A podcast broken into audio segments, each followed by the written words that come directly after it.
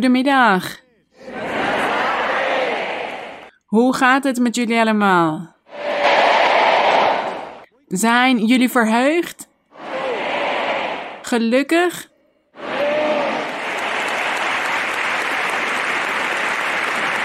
De glorie en de eer zij aan onze God.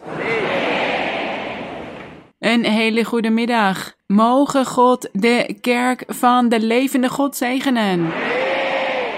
En weten jullie wat zo mooi is aan deze plek? Dat wij allemaal zo dicht bij elkaar zijn. En zo is dit mooi, want we houden van jullie. Mogen God Antiochia zegenen en zijn kerk.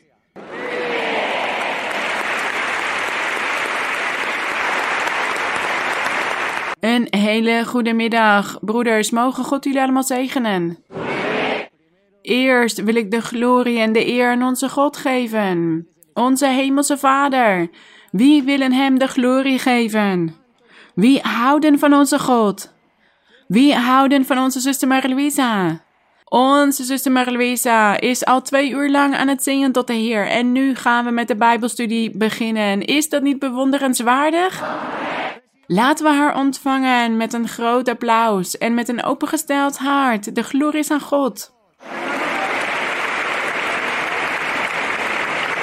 Mogen God jullie zegenen, broeders. Mogen de Heer jullie zegenen. We danken onze God, want we staan hier vandaag voor Hem en wij vieren vandaag met onze God. Dus ik hoop dat jullie niet moe zijn. Dat jullie niet moe zijn, dat jullie geen slaap hebben gekregen of lui zijn geworden. Laten we onze God blijven eren met de Bijbelstudie. En laten we de Bijbel openen in Psalm 13. In Psalm 13. Laten we deze versen overdenken, de Heer overdenken. En ik groet jullie ook vol genegenheid uit naam van alle kerken, alle plekken waar ik de laatste tijd ben geweest. Die plekken waarvan God mij heeft toegestaan om hen te bezoeken in de Verenigde Staten en in Mexico. En ook kerken in Colombia. In Europa. Een groet van alle broeders en zusters in die kerken daar. Wij zijn het volk van de Heer. Wij zijn een geestelijke republiek, onafhankelijk. En wij zijn het geestelijk Israël, het geestelijk Jeruzalem. En daar zijn wij ons hart voor aan het voorbereiden. Om bij onze God te mogen wonen in de eeuwigheid. En daarvoor hebben wij de geloofsleer nodig. Daarvoor moeten we de Bijbel lezen. Om de wegen van de Heer te leren kennen. Dus wij zijn erg verheugd en we danken onze Heer. Want Hij heeft ons vandaag de kans gegeven om hier samen te zijn. Op deze plek. En ik weet dat God hier bij ons is. Want voordat we net begonnen, zei de Heer tegen mij: Ik ben al aan het zegenen. Ik ben me al aan het openbaren in het hart van velen. En ik zal me blijven openbaren. Dus niemand zal zonder een zegen naar huis gaan. Dat is wat God tegen mij zei zo net. En daar geloven wij in. Want God is kracht. En God heeft ons beloofd. Vijftig jaar geleden heeft Hij ons vele dingen beloofd en Hij vervult ons zijn beloften. En laten we daarom een kort gebed doen. Laten we de Heer bedanken. En daarna gaan we Psalm 13 overdenken en wellicht Psalm 14. Laten we eerst tot de Heer bidden. Laten we eerst Hem bedanken. We danken U, Hemelse Vader, omdat we hier vandaag bijeen zijn. Hier in dit Colosseum, in deze, op deze plek waar vele mensen kunnen samenkomen. Hier worden vele evenementen gehouden, vele dingen georganiseerd, maar wij zijn hier vandaag samengekomen om u te loven, om u te eren, om uw naam bekend te maken, om bekend te maken dat u bestaat, dat u werkelijk bent, dat u leeft en dat u heerst. Een levende God die zo dicht bij ons is. En daarom hoeven wij niet ver weg te gaan om u te zoeken, want u bent hier bij ons. Waar ons hart is, daar bent u, mijn Heer. En wij voelen u in ons leven en u kijkt naar ons en u zegent ons. We danken u, mijn Heer. Heer, sta toe dat ons hart vandaag en ook van degenen die ons op de video zullen zien, dat ons hart voorbereid wordt. Dat wij klaarstaan om die geloofsleer te kennen, om uw wegen te leren kennen en u te dienen en u te behagen. Wij loven u, mijn Heer. Wij geven u de glorie en de eer en de lofuiting van nu aan tot in eeuwigheid. In de naam van Jezus Christus. De glorie en de eer zijn onze God. We danken onze Heer. Gezegend zij de naam van onze Heer. U kunt allemaal plaatsnemen en laten we Psalm 13 openen. De Bijbel openen in Psalm 13. Wij weten al dat de psalmen, dat dit gebeden zijn, liederen, geestelijke liederen, die God of de geest van God in de mond van de zangers van Israël zetten en in de mond van koning David. En deze liederen, dit zijn profetieën, die gaan over de Heer Jezus Christus. En de Heer Jezus Christus spreekt ook voor zichzelf en spreekt voor zijn kerk. En hij bidt tot God voor zijn kerk. En in dit psalm, psalm 13, hier gaat het over de kerk van de Heer. Die is nog verborgen. Die slaapt nog in het hart van een aantal personages van het volk van Israël, het oude volk. Vast en zeker in het hart van Daniel, van de profeten. En ze begint openbaar te worden wanneer de Heer door middel van engelen begon te spreken tot Maria, de maagd Maria, en tegen haar zei dat zij een zoon zou baren en dat hij de zaligmaker zou zijn. Tot op dat moment was de kerk verborgen geweest in het hart van vele personages die een bereidwillig hart hadden, die God vreesden. En hier in Psalm 13, vers 2 staat: Hoe lang nog, heren, zult u mij voor altijd vergeten? Hoe lang zult u uw aangezicht nog voor mij verbergen? En wij vragen ons hier af: wie spreekt hier? Wie zegt deze woorden? We zouden kunnen zeggen koning David, maar nee, het is niet koning David. Iemand anders zou kunnen zeggen het is de Heer Jezus Christus. Maar de Heer Jezus Christus had het niet nodig om dit tegen de Vader te zeggen. Waarom hij hem was vergeten, waarom de Vader hem was vergeten, of waarom God zijn aangezicht voor de Heer Jezus Christus verborg. Dat is niet zo geweest. De Heer heeft dit nooit nodig gehad. Dus deze vers en dit vers is voor de kerk, voor het volk van de Heer. Dit volk dat verborgen was in het hart van een aantal personages. En toen de Heer het evangelie begon te verkondigen, stelde hij zijn twaalf apostelen aan. En velen van het volk bekeerden zich tot hem en begonnen hem te volgen.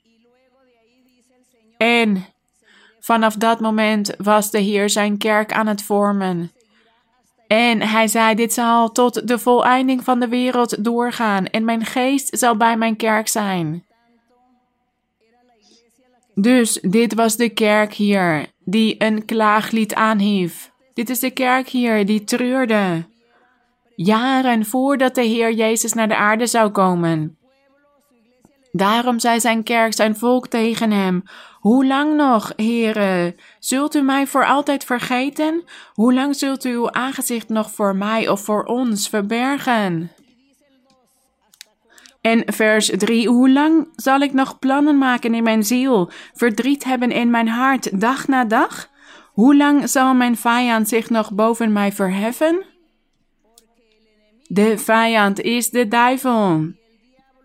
En de duivel had alle harten in zijn macht voordat de Heer Jezus Christus naar de aarde kwam. Hij heerste over iedereen. En iedereen deed dus het slechte in de ogen van God. Iedereen leefde in zonde. En God was afgekeerd van zijn volk van Israël in die tijd. Maar in dat volk, in een aantal harten, in het overblijfsel, was de kerk van de Heer verborgen. En daarom zei de kerk hier: Hoe lang nog? Hoe lang nog, heren? Wanneer gaat u ons bekendmaken?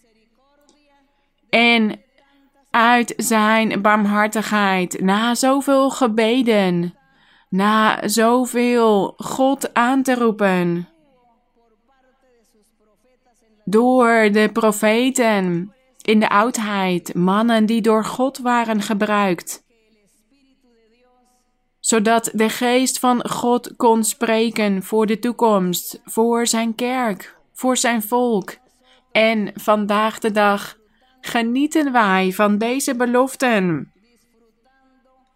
Wij genieten van de woorden in de psalmen. Wij genieten hiervan, want God is zich aan het openbaren in ons midden. En hij heeft ons vele bewijzen gegeven, vele tekenen dat wij zijn kinderen zijn, zijn uitverkoren volk, dat hij over ons heerst.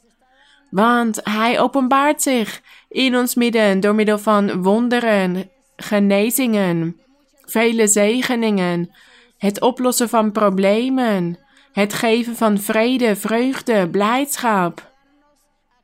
Hij geeft ons wat geen enkel mens en niks op de aarde ons kan geven. God is zich aan het openbaren in ons midden. God leeft, de glorie zij aan Hem. En op die manier gaf God antwoord op deze woorden in de psalmen, want God begon zich bekend te maken. Hij begon de Heer Jezus te sturen. En dankzij de Heer zijn wij vandaag wat wij zijn, want Christus is in ons midden. Gezegend zij de naam van onze Heer. En in vers 4, als jullie een Bijbel hebben, lees dan mee, vers 4.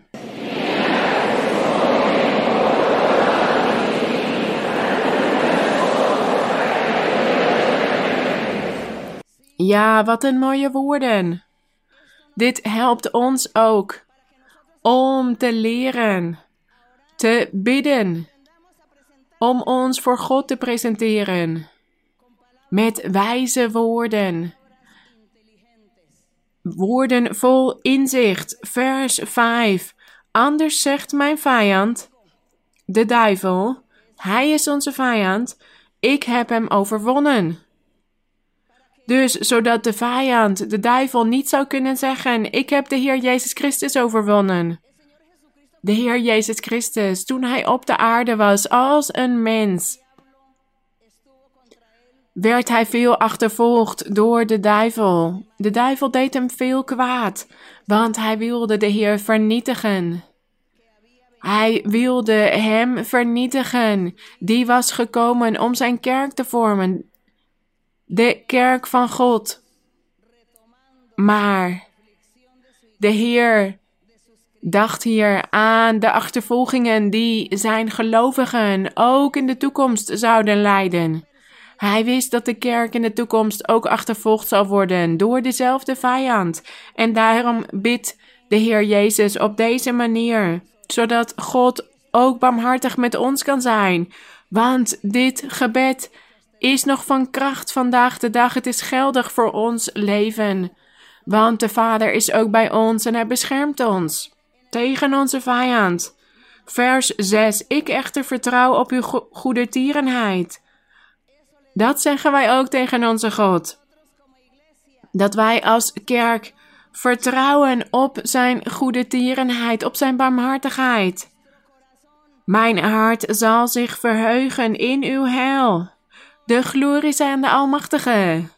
En in vers 6, ik zal voor de Heere zingen. Ik zal voor God zingen. Ik zal voor de Schepper van de hemelen en de aarde zingen. Voor de eigenaar van mijn leven. Voor hem zal ik zingen. Waarom? Hier staat, omdat hij goed voor mij geweest is. Wij danken onze Heer. Wij danken onze Heer voor al dat goede dat wij van hem hebben ontvangen. En laten we ook Psalm 14 lezen. Laten we kijken wat wij gaan leren van Psalm 14. Psalm 14 hier staat: De dwaas zegt in zijn hart: De dwaas is diegene die opstandig is, hardnekkig, ongelovig, die niet in God gelooft, die spot degenen die God aanroepen. Hij maakt diegenen belachelijk die wel in God geloven, die op God vertrouwen. Dat is die dwaas. Hier, hier staat: De dwaas zegt in zijn hart: Er is geen God. En ik heb vele mensen gehoord die dit zo zeggen. Die zeggen: Ja, dit is een leugen. De hemel en de hel bestaan ook niet. De hel is hier op de aarde. Maar als ze zeggen dat de hel hier op de aarde, dat dit de hel is, hoe zal de echte hel dan zijn? Nee, dit klopt niet. Hier staat: De dwaas zegt in zijn hart: Er is geen God. Zij handelen verderfelijk. Hun mentaliteit is verdorven. Want de mens heeft zich overgegeven aan de zonde, aan het kwaad. Aan een leven vol werelds genot, een makkelijk leven. Een leven waarin ze niet veel moeite hoeven te doen. En het schijnt alsof er geen storm is in dat leven, geen bezorgdheid. Het lijkt een makkelijke weg. Maar zij handelen verderfelijk, staat hier en bedrijven gruwelijke daden, omdat ze God zijn vergeten. Ze zijn onze schepper vergeten. Maar God heeft ons allemaal geroepen om te verkondigen, om te evangeliseren, om getuigen te zijn van de Heer. In onze familie, met onze buren, onze vrienden, collega's, medestudenten, mensen die op straat lopen, waar dan ook. Waar wij ook dan maar iemand tegenkomen. En wanneer we de kans hebben om tot die persoon over God te spreken, dan zeggen wij: God leeft.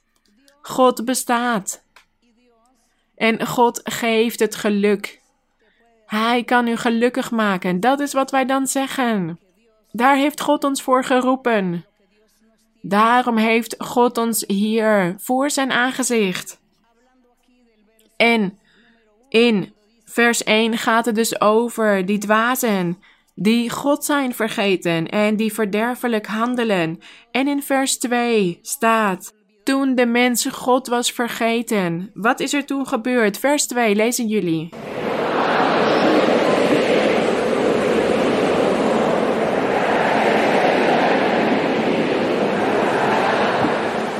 Hier staat dat God uit de hemel neerzag om te kijken of er iemand verstandig was, of er iemand wijs was. Iemand die God zocht. Weten jullie wanneer dit was gebeurd? Voordat de Heer Jezus Christus op de aarde was gekomen, in vlees. Voordat Hij naar de aarde was gekomen, was het dat God uit de hemel had neergezien om iemand te zien die God zocht. En heeft er iemand gevonden? Lezen jullie vers 3.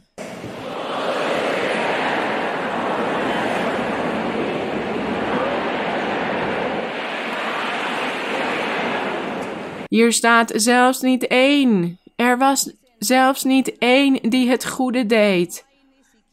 Er is niemand die goed doet, staat hier. En omdat God dit zag, dat er niemand was die goed deed, daarom verwierp hij de hele mensheid van voor zijn aangezicht. En hij veroordeelt de mensheid. En we lezen dat iedereen de heerlijkheid van God miste. Maar er is toen iemand tussen beiden gekomen. Iemand vol liefde en barmhartigheid. Die is tussen beiden gekomen, zodat wij onze verlossing niet zouden verliezen. Onze Heer Jezus Christus. Hij ging dit verbond aan met de Vader. Hij sloot een verbond met de Vader. En hij zou ervoor zorgen dat mensen verlost konden worden. Dat was zijn verbond met de Vader. En daarom is de Heer Jezus vlees geworden. Hij is een mens geworden op de aarde. En hij was op de aarde gekomen om te leven onder de mensen. En in de psalmen vinden we alle gebeden die de Heer tot de Vader had gericht om voor ons te bidden. Wij danken onze Heer voor zijn grote barmhartigheid, de barmhartigheid van onze Heer Jezus Christus. En hij sloot dus een verbond met de Vader en is toen naar de aarde gekomen om zijn woord te verkondigen. En wij danken de Heer, want wij mogen nu voor Hem staan. En wij zeggen tegen Hem dat we van Hem houden en dat we in Hem geloven. En dat wij hier voor Hem, voor hem klaar willen staan.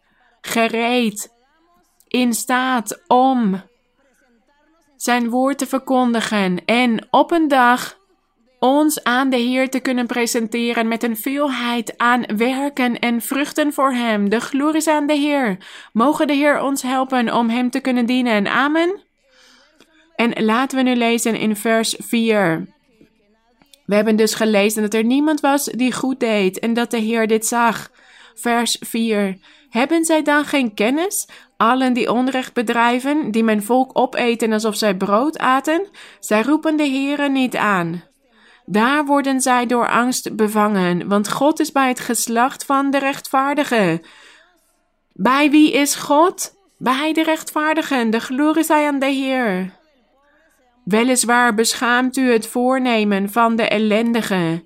En hier gaat het niet over die ellendige, over die arme die geen geld heeft, maar over degene die geen stem had in de maatschappij die hulpeloos was en niet tegen zijn leiders kon opstaan om te zeggen: Ik geloof in God, ik geloof in de Heer Jezus Christus, ik wil Hem volgen.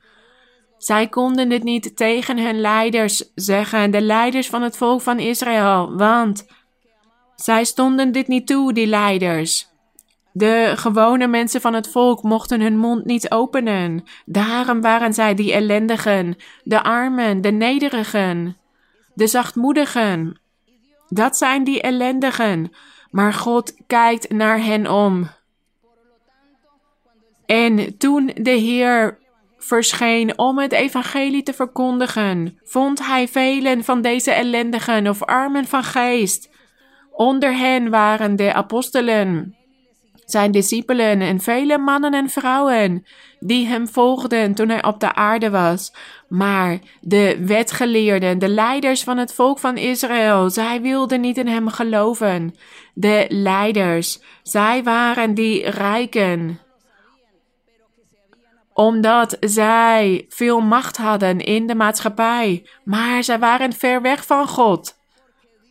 En wij voelen ons vandaag bevoorrecht, want God zegt welzalig de armen van geest, oftewel degene die eenvoudig zijn, nobel van hart, nederig, degene die de Heer willen volgen, die van Hem willen leren, die Hem willen aannemen in hun leven. En daarom genieten wij van deze psalmen.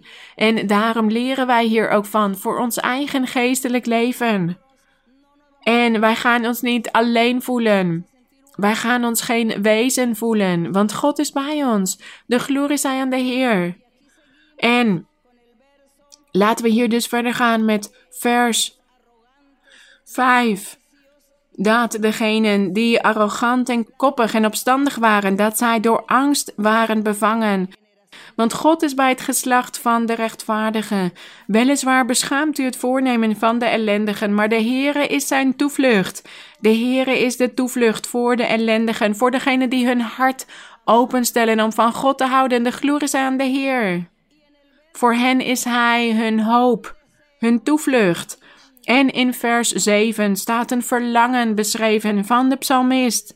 Och, dat Israëls verlossing uit Sion kwam. Maar hier gaat het niet over het fysieke Israël, over het geestelijk Israël. Dus we zouden ook kunnen zeggen: Och, dat Israëls verlossing uit de kerk van de Heer kwam. Want de verlossing komt uit de kerk van de Heer. Hij komt voort uit de kerk van de Heer Jezus Christus. Daaruit komt de zaligheid van God voort, de glorie aan de Almachtige. Hier staat wanneer de Heere de gevangenen van zijn volk laat terugkeren, want zij waren gevangenen van de duivel. De duivel had hen als gevangenen of als slaven. En daarom gaat het soms in de Bijbel over dat gevangenschap. En hier staat, wanneer de Heere de gevangenen van zijn volk liet terugkeren. En wanneer was dit? Met de Heer Jezus Christus op het kruis van Golgotha. Op dat moment liet hij de gevangenen van zijn volk terugkeren. Hij maakte hen vrij. Hij gaf hen vrijheid op dat moment, want toen waren zij geen slaven van de duivel meer, omdat Christus in ons hart woont en hij helpt ons om een heilig oprecht leven te leiden zoals hij dit wil. De glorie de Almachtige. Dus hier staat: Wanneer de Heere de gevangenen van zijn volk laat terugkeren, dan zal Jacob zich verheugen. Jacob, dit is de kerk van de Heer. En Israël zal verblijd zijn. Israël, dat is ook de Heer Jezus Christus en zijn kerk. Christus Jezus als het hoofd van zijn kerk. Daarom staat hier: dan zal Jacob zich verheugen, Israël zal verblijd zijn. Dit is hetzelfde personage, Christus en zijn kerk. Gezegend zij de naam van onze God, de glorie zij aan onze God. De lofuitingen zijn voor de Heer. En laten we nu verder gaan met jullie vragen. Zuster, goedemiddag. Mogen God u groot zegenen. We danken u voor uw bezoek hier in Antiochia. Ik heb een vraag. In Efeze 4, vers 11. Ja, broeder. Hier staat: En hij, de Heer Jezus Christus heeft sommigen gegeven als apostelen, anderen als profeten, weer anderen als evangelisten en nog weer anderen als herders en leraars. Zuster, wij hebben de openbaring van onze God gezien in de kerk. En we weten ook dat God velen roept en dat hij ook aan velen die belofte heeft gedaan dat ze apostel zullen worden, of profeet of evangelist. Maar we zien dit nog niet in de kerk. En we missen dit in de kerken. Dat we al deze bedieningen in werking kunnen zien. Dus mijn vraag is: wat moeten wij nog meer doen om dit te kunnen zien in de kerk? Want we zien u, zuster, en ook broeders die u bijstaan in uw werk. En we zien dat dit is zoals in de vroege kerk. Maar wat moeten wij allemaal doen zodat wij dit ook kunnen zien in de kerk? We danken u. Mogen God u zegenen. De broeder heeft een vers gelezen over de profeten. Hier gaat het over dat de Heer Jezus Christus profeten en apostelen heeft aangesteld in zijn kerk. Maar wat er gebeurt is dat de broeders wellicht niet weten wat de functie is van de profeten. En degenen die ook geestelijke gaven hebben ontvangen. Want vast en zeker denken jullie dat de profeten van vandaag de dag in het evangelie van de Heer Jezus Christus, de profeten van het evangelie, die zijn opgestaan sinds meer dan 2000 jaar geleden. Toen de Heer zijn kerk was begonnen te vormen met zijn twaalf apostelen. En daarna had de Heer beloofd dat hij de Heilige Geest zou sturen. En dat de Heilige Geest bij zijn kerk zou zijn. Bij alle gelovigen, tot in alle eeuwigheid, voor altijd. Hij zei niet dat dit voor een aantal jaren zou zijn of eeuwen, maar voor altijd. En de profeten van deze tijd. Dus dan heb ik het over het evangelie van de Heer Jezus Christus sinds meer dan 2000 jaar die hebben niet dezelfde functie als de profeten in de oudheid, de profeten van het Oude Testament. Jullie lezen wellicht over Jesaja, Jeremia, Ezekiel, Mozes, Elisa, Elia. En jullie hebben de geschiedenis over deze personages gelezen en de manier waarop zij werkten, waarop zij de Heer dienden, waarop zij, de manier waarop zij door de Heer werden gebruikt in die tijd. Daar hebben jullie over gelezen, toch? Denken jullie dat de profeten van het evangelie vandaag de dag hetzelfde werk gaan doen? Nee, zij gaan niet hetzelfde werk verrichten. De profeten in de oudheid. God gebruikte hen om één volk te vermanen en de leiders, de koningen van dit volk. God gebruikte hen ook om over de toekomst te spreken. En de toekomst was Christus Jezus en zijn kerk. Dat waren de profetieën van de profeten in de oudheid.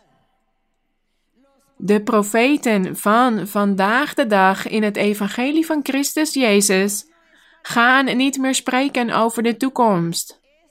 Zij zijn hier om elke gelovige volmaakt te maken om alle kerken volmaakt te maken, het leven van iedereen. Daar zijn de profeten vandaag de dag voor, de profeten in het evangelie. Zodat God door de Heilige Geest tot een man of een vrouw kan spreken en zegt: zondig niet meer. Want je bent een lasteraar, je bent wraakzuchtig. Waarom ga je zelfmoord plegen? Waarom ben je koppig? Waarom ben je overspelig? Waarom pleeg je ontucht? Goed, nog zoveel andere dingen. De Heilige Geest spreekt tot elk persoon. En hij vermaant iedereen op een individuele manier, zodat iedereen de zonde aflegt en een heilig leven begint te leiden. Sommige profeten gebruikt hij op deze manier en andere profeten gebruikt God om de geloofsleer te openbaren, om deze schriften te verklaren, zodat we dit allemaal kunnen begrijpen.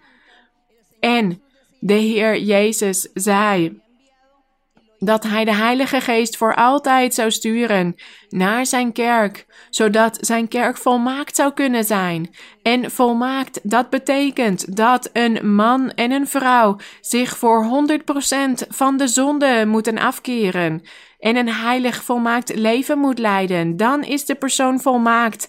En hoe gaat die persoon dit bereiken? Door middel van de apostelen, profeten, herders, evangelisten, leraars en ook door middel van degenen die de gave van de profetie hebben, de gave van demonen uitdrijven, de gave van genezingen en nog vele andere geestelijke gaven. Door middel van al die geestelijke gaven begint God te werken in het leven van iedereen. Dus in de kerk zijn er al vele profeten, vele profetessen. Want de mannen noemen wij profeten en de vrouwen noemen wij profetessen. En er zijn ook velen die de gave van genezing hebben.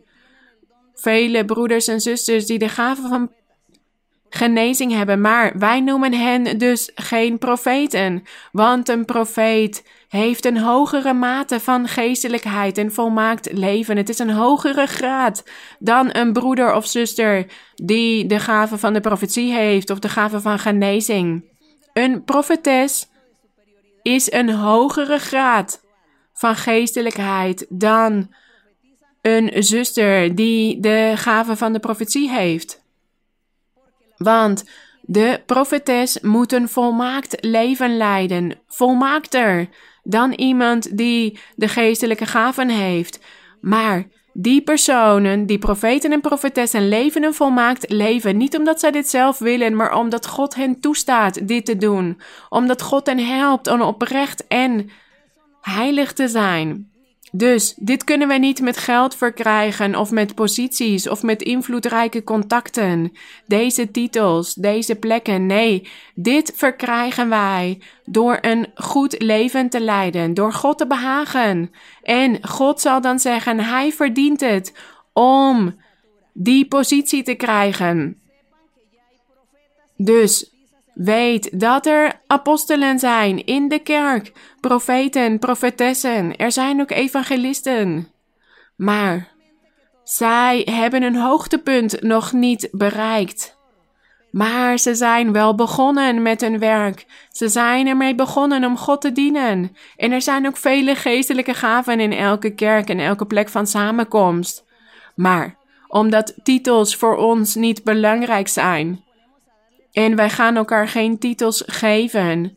Want dit doet alleen God. God alleen kan de titels geven aan iedereen. God die maakt iedereen zichtbaar. Dus wij zeggen niet, die broeder is een profeet of die zuster is een profetes. Nee, wij kunnen dat niet zeggen. God zegt dit. God is het die titels geeft. En wanneer God aan iemand een titel geeft, dan is dit omdat die persoon dit verdient. Want als wij als mensen andere mensen titels geven, dan vergissen wij ons. En dan loopt het altijd verkeerd af. En de broeder die deze vraag heeft gedaan, maakte zich geen zorgen, raak niet ontmoedigd. U wilde wellicht hier de profeet Elisa zien, Elia. Ezekiel, nee, die zullen wij nooit weer zien. Elisa, Elia, Mozes, Daniel, al die profeten. Maar wij gaan wel profeten zien zoals Johannes, zoals Timotheus, Titus, Petrus, Jacobus, Paulus en nog vele anderen. De glorie zij aan God. Dat gaan wij wel zien.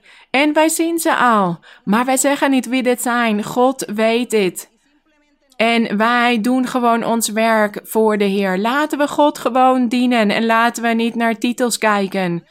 We willen gewoon dat de kracht van God zich openbaart in ons leven. En dat wanneer wij over God spreken, dat wanneer wij voor iemand bidden, dat God ons dan bijstaat. Dat is wat wij willen. En dan zullen mensen zeggen: deze man heeft God, deze vrouw heeft God. Want God gebruikt hem of haar. Dat is wat wij willen. De glorie zij aan onze God. De glorie zij aan de Heer. Dus er zijn al profeten en profetessen. Goed, laten we verder gaan. Zuster Marie-Louisa, goedemiddag.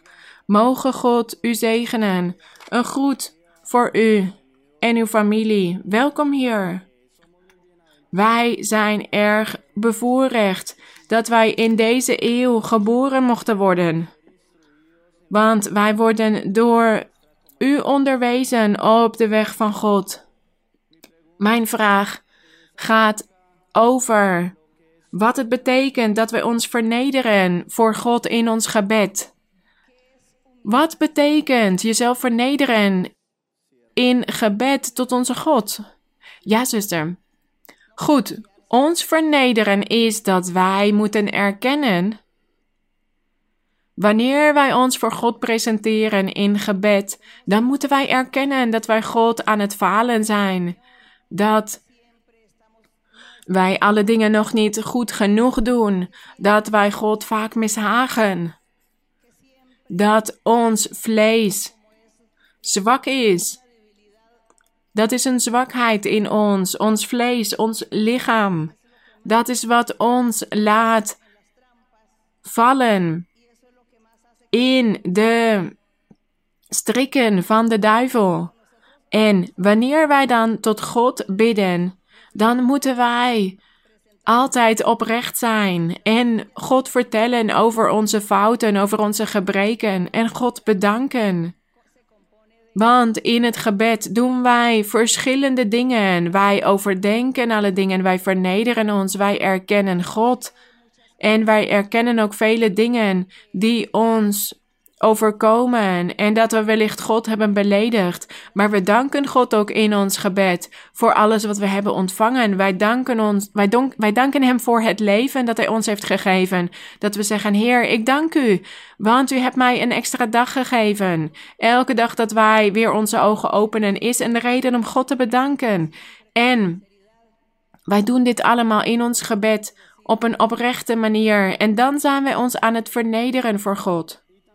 Zuster, ik stelde mijn vraag gebaseerd op de versen Tweede Kronieken, hoofdstuk 33, Tweede Kronieken, Tweede Kronieken, hoofdstuk 33. Hier gaat het over koning Manasse van Juda. En we lezen dat hij slecht deed in de ogen van God. En in vers 6 staat bijvoorbeeld: Hij was het die zijn zonen door het vuur liet gaan in het dal Ben Hinnom. Hij duidde wolken, deed aan wichelarij, deed aan toverij en stelde dodenbezweerders en waarzeggers aan. Hij deed zeer veel slechts in de ogen van de heren, heren om hem tot toorn te verwekken.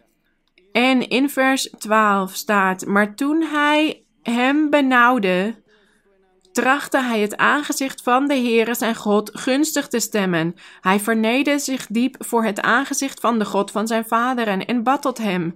En hij liet zich door hem verbidden, verhoorde zijn smeekbeden en bracht hem terug in Jeruzalem in zijn koninkrijk. Toen erkende Manasse dat de Heere God is. Dus mijn vraag ging hier over dit vernederen. Dat deze koning zich vernederde voor het aangezicht van God. En daarna werd zijn gebed verhoord. Zoals we hier in vers 13 zien. Dat toen deze koning had gebeden tot God, dat God hem verhoorde en hem zijn koninkrijk teruggaf. Ja, wat hier was gebeurd, deze koning was erg, was een afgodendienaar en hij was erg arrogant, erg trots en hij voelde zich als een god. En daarom erkende hij God niet als dat wezen dat gerespecteerd moest worden en aanbeden moest worden. Hij voelde zichzelf de grootste en hij wilde dat iedereen hem moest aanbidden. Want hij was niet alleen een afgodendienaar, maar hij wilde ook deze dingen. Hij voelde zich als een god. Maar toen hij werd benauwd door alle problemen. Toen begon hij te knielen voor God. Ik neem aan dat hij ook een rouwkleed aandeed, want dat deden ze in die tijd om zich te vernederen. Zij deden een rouwkleed, zwarte kleding aan en ze gooiden as over zichzelf en ze gooiden zichzelf op de grond en begonnen op die manier God om vergeving te vragen. Dat was die fysieke vernedering, hoe ze dat deden in die oudheid. En ze zeiden dan: Heer, u verdient de lofhuiting, de eer. Wij vernederen ons hier voor u. Want wij als mensen, wij verdienen geen eer, maar u wel. Dat was het gebed dat deze koning had gedaan. En daarom had God zijn gebed aangenomen, want hij had gezien dat hij het met oprechtheid had gedaan. Hij had zich vernederd op een oprechte manier en hij erkende God. Maar Vandaag de dag, wij als kerk, wij voelen ons niet als God. Wij voelen ons niet groter dan God. Wij zijn juist altijd nederig en eenvoudig. En hoe zouden wij ons dan vernederen voor de Heer? Op welke manier? Dat wij tijd vrijmaken voor onze God. Want soms laten wij ons afleiden door al onze verantwoordelijkheden in de wereld, door alle door ons dagelijks leven. Dus ons voor God vernederen is meer als tijd voor Hem vrijmaken. Dat we zeggen: deze 20 minuten ga ik aan God wijden. En laat ik tot Hem bidden en de Bijbel lezen. En laat ik tegen Hem zeggen dat ik het niet waard ben. Al die zegeningen die ik van Hem ontvang. En dat Hij groot is. En dat God zich vernedert om naar ons om te kijken. Wie zijn wij dat God naar ons omkijkt en ons die prachtige beloften doet? Dat doen wij vandaag de dag in het evangelie. Dat is een andere manier. Een andere manier van vernedering voor God. En God zal dan kijken naar onze oprechtheid in ons gebed. En dan zal Hij ons gebed verhoren en ons zegenen. Maar dit is dus een andere situatie en een andere manier van vernederen. Want wij zijn vandaag de dag niet koppig en opstandig en wij voelen ons niet als God. Maar deze koningen van Israël, die voelden zich als God, daarom moesten ze zich vernederen. Laten we verder gaan. Goedemiddag, zuster. Mogen God u zegenen. Wij houden van u in de liefde van de Heer. Ik heb een vraag over Matthäus hoofdstuk 18. Ja, broeder, Matthäus 18, vers 7 tot en met 9. Kan ik lezen? Matthäus 18. Welk vers, broeder? Vers 7 tot en met 9. Ja, broeder. Wee de wereld vanwege al haar struikelblokken, want het is noodzakelijk dat er struikelblokken komen. Maar wee die mens door wie zo'n struikelblok er komt. Als dan uw hand of uw voet u doet struikelen, hak hem af en werp hem van u. Het is beter voor u kreupel of verminkt tot het leven in te gaan, dan met twee handen of twee voeten in het eeuwige vuur geworpen te worden. Als uw oog u doet struikelen, ruk het uit en werp het van u. Het is beter voor u met één oog tot het leven in te gaan, dan met twee ogen in het helse vuur geworpen te worden. Zuster Marie-Louisa, kunt u ons deze versen uitleggen? Wat betekent deze hand, deze voet, dit oog op een geestelijke manier? Goed, dit is een illustratie van onze Heer Jezus Christus. Hij was aan het onderwijzen door deze illustraties. En hij zei hier dat er in de wereld vele struikelblokken zijn. In de kerk, in de samenkomst, vast en zeker ook. Vele struikelblokken zijn er. Maar hier staat Wee die mens, door wie zo'n struikelblok er komt, degene die dat struikelblok maakt of neerlegt in het leven, in het geestelijk leven van een andere gelovige. God straft die persoon die een struikelblok is geweest voor iemand anders die de duivel die plaats had gegeven om een struikelblok van hem te maken. Of dit nou voor zijn familie is geweest of voor zijn gelovigen, voor zijn vrienden, voor wie dan ook. Als hij een struikelblok voor iemand is geweest in zijn geestelijk leven, als hij ervoor gezorgd heeft dat iemand is teruggevallen in zijn oude leven, dat iemand niet meer door wil gaan in de kerk, vanwege een slecht getuigenis. Want het struikelblok, dat is een slecht getuigenis. Het is iemand die vast en zeker in de kerk is, die bij de kerk hoort. En dat zijn familieleden ook naar de kerk toe komen, maar dat deze persoon, hoewel hij al zo lang in de kerk is en profetie luistert en de, on de, de onderrichten hoort, dat God hem onderwijst, dat hij zijn leven moet beteren.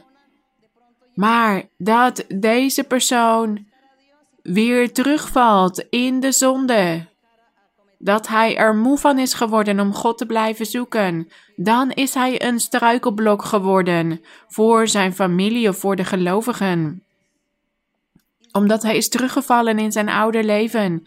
En daarom zegt de Heer: Wee die mens, door wie er zo'n struikelblok komt. Voor die persoon is het, was het beter geweest om niet geboren te zijn geweest. Want God zal die persoon zwaar straffen. We kunnen zeggen dat die persoon wellicht in leven blijft, vele jaren lang. En hij zegt wellicht: Kijk, God heeft mij niet gestraft. Dit is allemaal een leugen. Ik pleeg overspel of ik pleeg ontucht of ik heb mijn gezin achtergelaten en nieuwe vrouwen gezocht of nieuwe mannen. En God heeft mij niet gestraft. Of ik heb gestolen of ik heb iemand vermoord of ik ontvoer, ik verkracht, maar God straft mij niet. Niemand weet dit, niemand heeft dit door. In de kerk hebben ze dit ook niet ontdekt. Dat is wat die persoon dan zegt. Maar God ziet alles en hij ziet dat die persoon een struikelblok is geworden voor anderen. En hij schaadt de stabiliteit van anderen. Het geluk, de vrede en het geestelijk leven van anderen. En God is het dan die die persoon straft. En soms duurt dit weken voordat God begint te straffen of jaren. Maar wanneer die persoon dan gestraft wordt, dan kan het zelfs zijn dat hij niet eens meer weet wat hij heeft gedaan, waarvoor die straf was, maar hij wordt wel gestraft. En hij lijdt hieronder. Want God straft altijd en dat is wat hier staat. En daarom, als u van uzelf weet dat u een zwakheid hebt in uw vlees, iets wat u verzoekt in uw vlees, wees dan geen struikelblok voor anderen. Vlucht dan van die verzoeking. Vlucht van die verleiding, vlucht van die val van de duivel, vlucht van die zwakheid die in uw vlees zit. Vlucht hiervan. Dus bijvoorbeeld, u wordt snel verliefd. U bent een man en u wordt snel verliefd op vele vrouwen.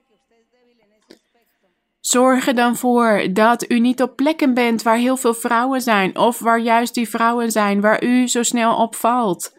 Vlucht hiervoor. En ga geen vriendschappen aan met vrouwen. En geef niet iedereen te veel vertrouwen alle vrouwen. Of als u ervan houdt om iets van een ander af te nemen, oftewel te stelen. Wees, zorg er dan voor dat u niet op een plek bent waar u alleen bent, waar u de kans hebt om te stelen, om iets van een ander af te nemen. We moeten vluchten van de verleiding, van de verzoeking. Dat is wat de Heer Jezus hier tegen ons zegt.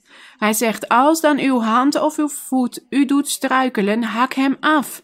Maar dit is niet letterlijk dat u uw hand of uw voet moet afhakken. Dit is een voorbeeld, een illustratie. Dat als uw hand of uw voet ervoor zorgt dat u in een zonde valt, hak hem dan af. Want het is beter om de hemel in te mogen, ook al bent u kreupel of verminkt, dan veroordeeld te worden, oftewel, vlucht van de zonde. Trap niet in die val. Vermijd om op die plekken te zijn, of vermijd afspraakjes, ontmoetingen met mensen, waardoor u dan in die verleiding kan vallen. Dat betekent dit. En hier staat dus ook: als uw oog u doet struikelen, ruk het uit en werp het van u. Oftewel, kijk niet naar die dingen die u verleiden. Kijk naar andere dingen. Zoek iets anders om te doen met uw tijd. En omdat u God wil behagen, zal God u dan ook helpen daarmee. Daar gaat het hier over. Dus het is niet letterlijk dat een persoon een oog moet uitdrukken dat hij, zoals we wel zeggen, een eenogig persoon moet worden. Nee, daar gaat het niet over. Dit is een illustratie. Dat we moeten vluchten van de verzoeking, van zwakheden in ons vlees.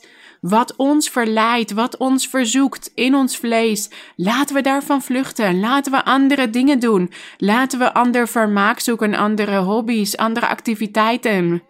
En bid tot God, vraag Hem om hulp, dat is het. Goed, laten we verder gaan met een andere vraag. Zuster Marluisa, welkom in Antiochië. Een persoon van de dove gemeenschap wil u een vraag stellen en ik zal de vraag vertolken. Zuster Marie-Louise, ik ben erg gelukkig dat ik hier voor u mag staan. Dit is de eerste keer en dit is een belofte van de Heer vervuld. Zuster, ik heb een vraag, want u zei in een Bijbelstudie dat dieren ook een geest hebben en God loven. Maar wat is het verschil tussen geest en ziel? En hoe loven dieren God? Goed, ik denk dat er niet zoveel verschil is tussen ziel en geest en geweten. Wij hebben een ziel, een geest en een geweten. En wij overlijden niet. Onze persoonlijkheid zal blijven leven. Maar dieren hebben ook leven, dus ze hebben een ziel, want een ziel is het leven. En ze hebben een geest. Een geest zorgt ervoor dat iets stoffelijks kan bewegen. Ik weet niet of jullie wel eens hebben gehoord over een aantal plekken waar zoveel hekserij en toverij wordt gedaan, dat er zelfs dode lichamen beginnen te lopen, dat zij mummies worden en dat ze beginnen te lopen, omdat een kwade geest in dat dode lichaam is gegaan. En daarom laat hij dit dode lichaam lopen en ze noemen dit mummies. Ik heb hier wel over gehoord dat dit in een aantal landen voorkomt, omdat ze daar zoveel demonen aanroepen en hekserijen doen. Dus een geest, de geest, laat het lichaam bewegen. En het geweten is onze beredenering, onze persoonlijkheid, waarmee wij beslissingen nemen. Wij houden van iemand, wij haten iemand, we zijn gelukkig, we zijn verdrietig. Dit komt allemaal uit onze ziel, uit ons geweten. En dieren nemen ook hun beslissingen. Zij hebben ook een beperkte intelligentie van God gekregen. Zij weten hoe zij eten moeten zoeken, wanneer zij eten moeten zoeken. Maar wanneer zij overlijden, overlijdt alles van hen. Maar als wij overlijden als mensen, dan blijft onze ziel leven, onze geest. Ons lichaam wordt stof, wordt as, maar wij blijven leven voor God. Wij danken onze God. Laten we verder gaan met een andere vraag. Goedemiddag, zuster. Ik zou u zoveel dingen willen zeggen, maar ik zeg gewoon: ontvang een geestelijke omhelzing van mij. Zuster, mijn vraag gaat over prototypes. Wij weten dat een aantal personages in de oudheid, zoals Salomo en koning David, dat zij prototypes van de Heer Jezus Christus zijn geweest. En mijn vraag is: welke andere personages zijn ook een prototype van de Heer Jezus Christus geweest? In het Oude Testament, we weten dat dit allemaal een schaduw is geweest van de toekomst. En in het Nieuwe Testament, wat zijn die prototypen? Nee, in het Nieuwe Testament, in het Evangelie zijn er geen prototypen meer van de Heer Jezus Christus. Wij moeten allemaal de Heer Jezus Christus navolgen. Hoe leefde Hij? Hij leefde een heilig en volmaakt leven en wij moeten hetzelfde doen. Maar in het Evangelie zijn er dus geen prototypen van de Heer Jezus Christus meer. Wij moeten allemaal een heilig leven leiden, net als de Heer. Goed, laten we verder gaan. Zuster, Goedemiddag, mogen God u zegenen. Mijn hart springt op van blijdschap. En ik weet dat al mijn broeders en zusters zich ook zo voelen vandaag. De Heer beloofde mij dat ik u een vraag zou stellen. En ik had vele vragen over Bijbelpassages. En ik vroeg de Heer welke vraag ik aan u moest stellen. En de Heer gaf mij een droom. En hij zei geen van die vragen, maar hij liet mij iets zien in die droom. Ik zag in een woestijn vele mannen en vrouwen met misvormde gezichten. En ik zag een hele grote man die voor hen stond en die zei: Laat elke man zijn gezin respecteren en zijn kinderen eren en hen groot geluk geven. En in mijn droom begonnen al die mannen zich te rechtvaardigen en ze zeiden: Het lukt mij niet of ik heb hier geen tijd voor. En de vrouwen waren vol boosheid en wrok. Ze waren erg boos op de mannen. En de Heer zei dezelfde woorden. Maar de mannen stonden op en probeerden de woorden van de Heer te weerleggen. En de stem van de Heer werd steeds sterker, steeds krachtiger. Het was een schellend geluid geworden. En op een gegeven moment werden die mensen met allemaal misvormde gezichten ineens normale mensen met een normaal gezicht. Hij had ze allemaal veranderd. En ik heb ook in de Bijbel dit vers gelezen. in Titus hoofdstuk 1 vers 9. Titus hoofdstuk 1 vers 9. Ja, broeder. Iemand die zich houdt aan het betrouwbare woord, dat overeenkomstig de leer is, zodat hij bij machten is anderen te bemoedigen door het gezonde onderwijs en ook de tegensprekers te weerleggen. Zuster, in de droom gebruikte de Heer niet veel argumenten om te onderwijzen. Hij zei elke keer hetzelfde tegen die mannen dat ze hun gezin moesten respecteren. Zuster, maar wij zien in ons land dat er zoveel geweld bestaat en ook in de gezinnen. Veel onbegrip, verraad, ontrouw, conflicten. En de Heer had mij dus die misvormde gezichten laten zien in de droom. En ik weet dat dit een werkelijkheid is in ons land, op een symbolische manier. Zuster, kunt u ons onderwijzen, zoals in dit vers staat, om de tegensprekers te weerleggen? Dat wij die wrok afleggen en ook die verontschuldigingen, die rechtvaardigingen en dat we ons gezin respecteren. Dank u, zuster. Mogen God u groot zegenen. Hoe graag zouden wij wel niet een spuit hebben om in elk hart, in elk persoon, die overgave aan God, die ware bekering tot God in te spuiten, te injecteren, zodat iedereen afstand neemt van zoveel zwakheden in het vlees. Wij verlangen hierna dat hier een medicijn voor zou bestaan. Maar helaas, is dit niet zo? En het enige wat wij kunnen doen is onderwijzen, verkondigen, spreken, bidden tot God. God om hulp vragen, want wij kunnen niet meer doen. Wij kunnen niet het geweten van iemand anders ingaan om hem te overtuigen. Alleen God kan dit doen.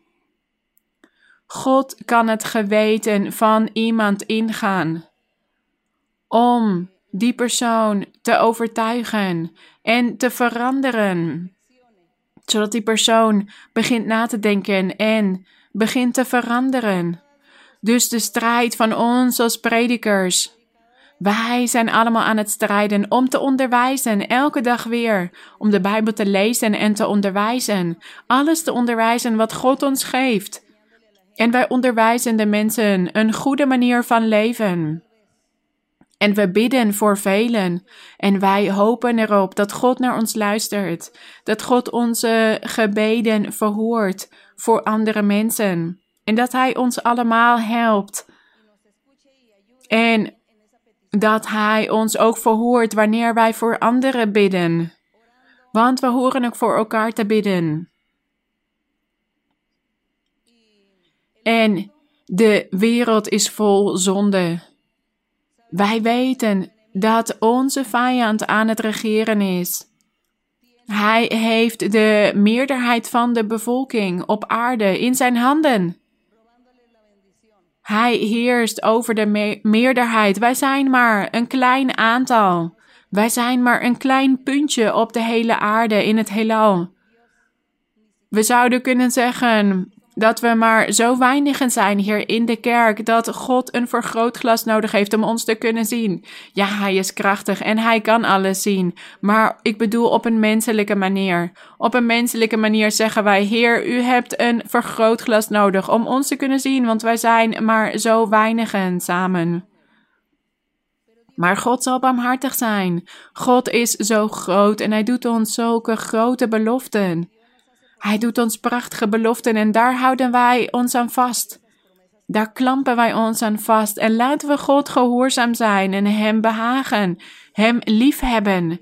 Want God liefhebben is afstand nemen van alle onjuiste, slechte dingen in ons leven. Alles wat niet goed is.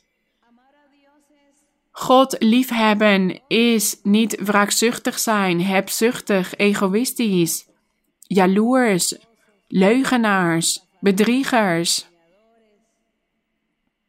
Als wij al die dingen afleggen, dan zeggen wij dat we God liefhebben. God liefhebben is ook verantwoordelijk zijn in ons gezin.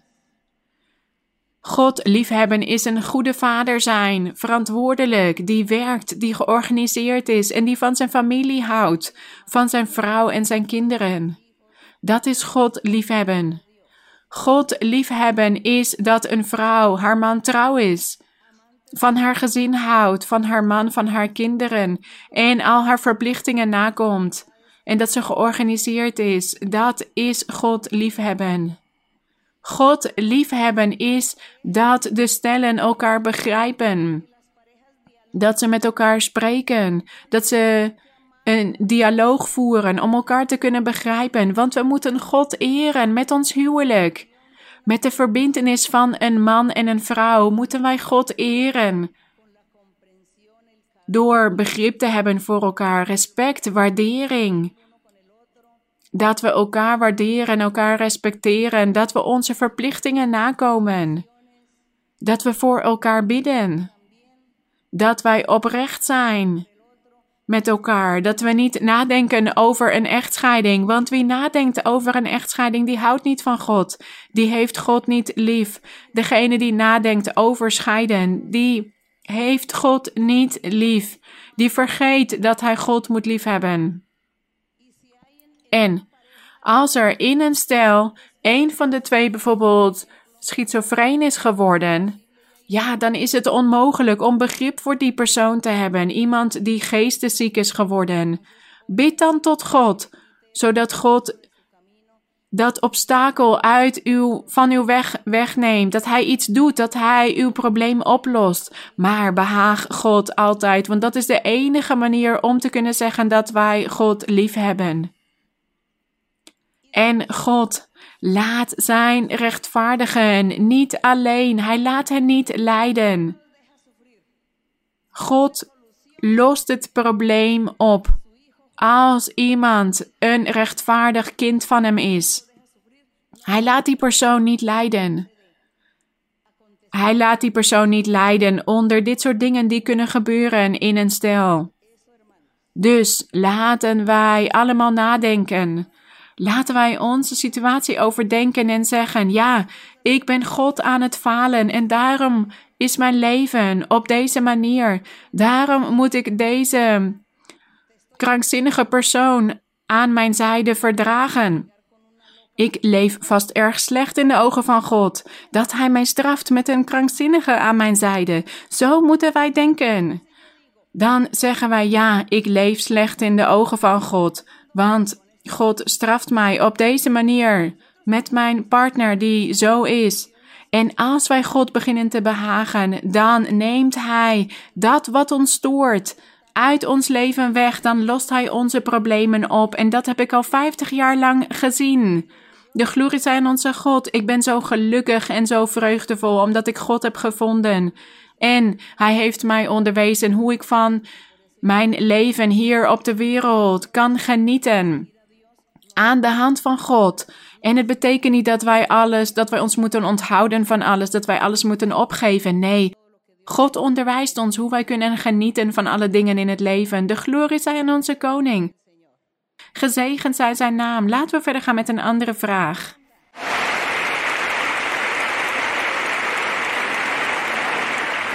Zuster Marie-Louisa, goedemiddag. Mogen God u zegenen? Vandaag is een speciale dag. En ik heb een vraag. In over Leviticus hoofdstuk 19, vers 15 tot en met 17. Leviticus 19, vers 15 tot en met 17. Mag ik lezen? Ja, broeder. Hier staat: 19, vers 15. U mag geen onrecht doen in de rechtspraak. U mag geen partij trekken voor de armen en de aanzienlijke niet voortrekken. Op rechtvaardige wijze moet u uw naaste oordelen. U mag onder uw volksgenoten niet met lasterpraat rondgaan. U mag uw naaste niet naar het leven staan. Ik ben de Heere. U mag in uw hart uw broeder niet haten. U moet uw naaste zeker terechtwijzen, zodat u geen zonde op hem laat. Zuster, ik begrijp dat vele dingen van de wet van Mozes vandaag de dag, dat wij die niet meer doen, bepaalde rituelen, maar dat de geboden nog steeds geldig zijn. En in vers 17 staat, u moet uw naaste zeker terechtwijzen, zodat u geen zonde op hem laat. Ik wil graag weten, zuster, wat betekent dit precies? Want is dit een verbintenis die wij met de Heer aangaan? Dat wij onze naasten moeten terechtwijzen, want anders nemen wij deel aan zijn zonde. Dat is wat hier staat, maar ik weet niet zeker of dit echt dit betekent. Dat wanneer wij een broeder een fout zien begaan, moeten wij dit dan zeggen? Of hoe kunnen wij dit vers toepassen in ons eigen leven? Want het is wellicht makkelijk om te zeggen tegen anderen: ja, je hebt dit fout gedaan of dat fout gedaan, maar soms nemen andere mensen dit niet van ons aan wanneer wij hen terechtwijzen. Dus moeten wij dit vers in vervulling brengen? God zegene, zuster. Goed. Hier staat: U moet uw naaste zeker terechtwijzen. Dat betekent dat wij moeten spreken met onze naaste, dat wij de situatie analyseren of de fout die die persoon aan het begaan is, dat we die persoon onderwijzen, terechtwijzen, vermanen. Of dat hij wellicht om vergeving vraagt als hij iemand beledigd heeft. Zodat er geen problemen ontstaan onder gelovigen. Want wanneer er problemen beginnen te ontstaan onder gelovigen, krijgen we daarna te maken met wrok en nog veel meer zonden. Dus we moeten de zonden in anderen niet verdragen, niet toestaan. We zeggen dan tegen die persoon: Doe dit niet, neem hier afstand van, God houdt hier niet van. Goed, dat is wat hier staat beschreven. Dat we onze naasten onderwijzen, dat er eensgezindheid hoort te bestaan onder ons, genegenheid, liefde. In die tijd was het voor de Israëlieten. Zij waren elkaars broeders en zusters en ze moesten elkaar begrijpen, begrip voor elkaar hebben. En vandaag de dag zijn wij ook broeders en zusters van elkaar. In het geloof. En God wil dus ook dat wij van elkaar houden en dat we elkaar, dat we begrip voor elkaar hebben, dat we voor elkaar bidden, en dat we elkaar helpen, dat we elkaar onderwijzen. Dat we elkaar terechtwijzen, vermanen. Ja, natuurlijk, met veel respect, met veel genegenheid. Dan zal dat heel mooi zijn als we dit zo zien gebeuren in de kerk. Dus dat wij, dat zoals hier staat, u mag onder uw volksgenoten niet met lasterpraat rondgaan. Dat dit soort dingen niet gebeuren onder ons, maar dat we juist allemaal een goed geestelijk leven leiden. Goed, nog één laatste vraag voor vandaag. Zuster Marie-Louisa, goedemiddag. Welkom in Medellin. Mogen God u zegenen.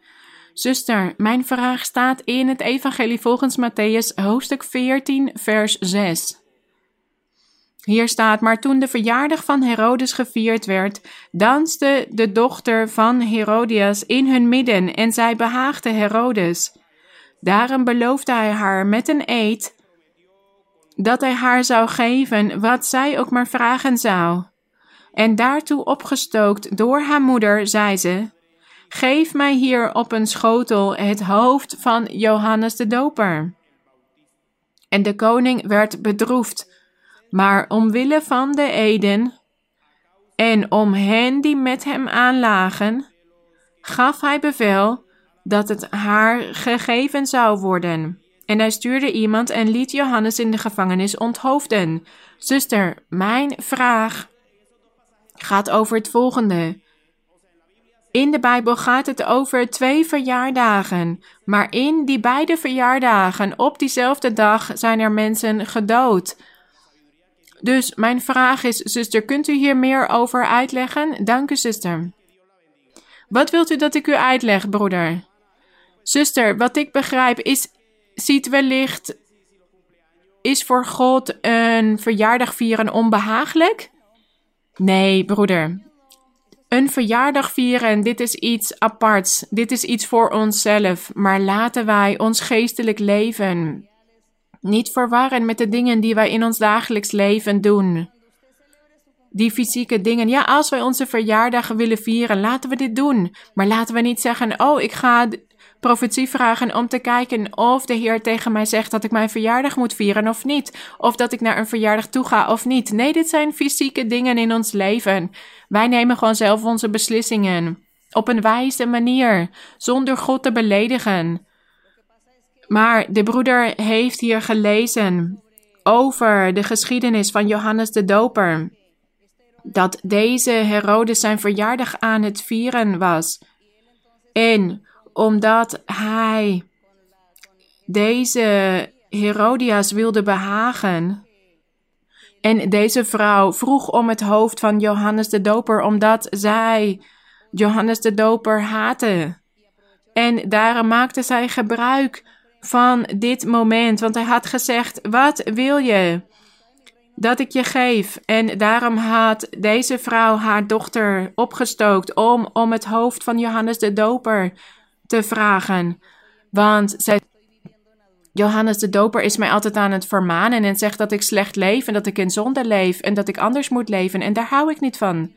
En deze vrouw was daarom boos op Johannes de Doper en liet hem onthoofden. Maar dit heeft niks te maken met de verjaardag. Dit was toevallig op de verjaardag van Herodes gebeurd. Maar dit betekent niet dat als wij vandaag de dag onze verjaardag vieren, als we dit willen vieren, dat er dan zoiets zal gebeuren. Nee, dit is niet slecht. Wij vieren dit feest als wij dit willen op een verstandige manier. Maar als wij hier kijken wat hier Johannes de Doper was overkomen, God had dit allemaal al gepland. God had bedacht voorbestemd dat Johannes onthoofd zou worden. Hij zou opgeofferd worden voor het woord van de Heere. God had dit zo bepaald. En daarom had hij dit toegestaan. En hij was een profeet, de laatste profeet van het Oude Testament. En hij moest opgeofferd worden. Maar hij ontving de verlossing van onze God. Dus hij heeft moeilijke dingen moeten doorstaan in zijn leven. Maar ik denk dat hij geen pijn voelde op het moment dat hij werd gedood. Want hij was met God en de geest van God was met hem. De geest van God was over Johannes gekomen en God had hem altijd bijgestaan en Johannes had zijn werk volbracht. Hij had de weg van de Heer voorbereid. En daarom genieten wij vandaag de dag ook van de aanwezigheid van de Heer in ons leven. Ook dankzij het werk van Johannes de Doper. En laten we onze Heer waarderen. En laten wij ervoor zorgen dat wij een heilig oprecht leven leiden. Laten we hier naar streven. Wij zien dat de personages in de oudheid, velen waren opgeofferd voor het woord van de Heere. God heeft het toegestaan. Maar dankzij al die dingen genieten wij vandaag de dag van het evangelie. En vandaag de dag is er veel vrijheid om het evangelie te verkondigen. Laten we hier gebruik van maken. Laten we gaan binnen tot de Heer. Heilige Vader, eeuwige God. Vader van onze Heer Jezus Christus. Wij staan hier voor u, mijn Heer, voor uw aangezicht vandaag. Wij presenteren ons aan u om u te bedanken, mijn Heer. Wij danken u, mijn Heer, voor wat we vandaag hebben kunnen doen. Wij hebben dit gedaan met heel ons hart, met heel onze ziel. Wij hebben dit op een verheugde manier gedaan, een gelukkige manier voor u, want ons hart is verheugd, ons hart is verblijd, onze ziel looft u, mijn Heer. Wij danken u voor al uw weldaden, voor al uw beloften. Die prachtige beloften die u vandaag hebt gedaan. Over die zegeningen en wonderen en tekenen die u aan het doen was in velen in het leven van iedereen, mijn Heer. Laat niemand zonder een zegen naar huis gaan. Iedereen heeft een zegening ontvangen. Iedereen heeft van u al een zegening ontvangen vandaag. En wanneer de broeders en zusters thuiskomen, zullen zij uw zegening ontvangen, mijn Heer. Ze zullen uw zegening zien. Gedurende de week die komen zal, de maand die komen zal, zullen zij uw weldaden zien, uw wonderen, uw zegeningen die u vandaag hebt gegeven. Wij danken u, Heilige Vader, want wij zijn het niet waard dat u ons zegent. Wij verdienen dit allemaal niet, maar uw liefde is voor altijd en uw barmhartigheid is oneindig en uw woorden zijn betrouwbaar en waarachtig. Wij danken u in de naam van de Heer Jezus Christus. En in de naam van de Heer Jezus Christus vraag ik u ook om uw hand uit te strekken en wonderen te doen. Om u zich te manifesteren, te openbaren in ons midden met uw Heilige Geest. Kom tot elke man, elke vrouw, elke oudere, elk kind. Strek uw hand uit, mijn Heer, uw krachtige hand en wees barmhartig. Openbaart u zich, mijn Heer, met uw kracht en help iedereen om u te vinden, om uw weg te vinden, uw pad, om op deze weg te blijven lopen. Allen die hier naar luisteren, mijn Heer, allen die naar uw woord luisteren, allen die over u horen spreken, mijn Heer. Doe een wonder in hun leven, in hun hart. Verricht een wonder, mijn Heer, en zegen hen, bevrijd hen, mijn Heer. Openbaart u zich in hen, mijn Heer, als die Almachtige God, als die Vader die van zijn kinderen houdt als die God die zo vergevingsgezind is. Wij danken u, mijn Heer, omdat u ons aanhoort. Wij danken u voor uw openbaring vandaag, die u vandaag hebt gegeven.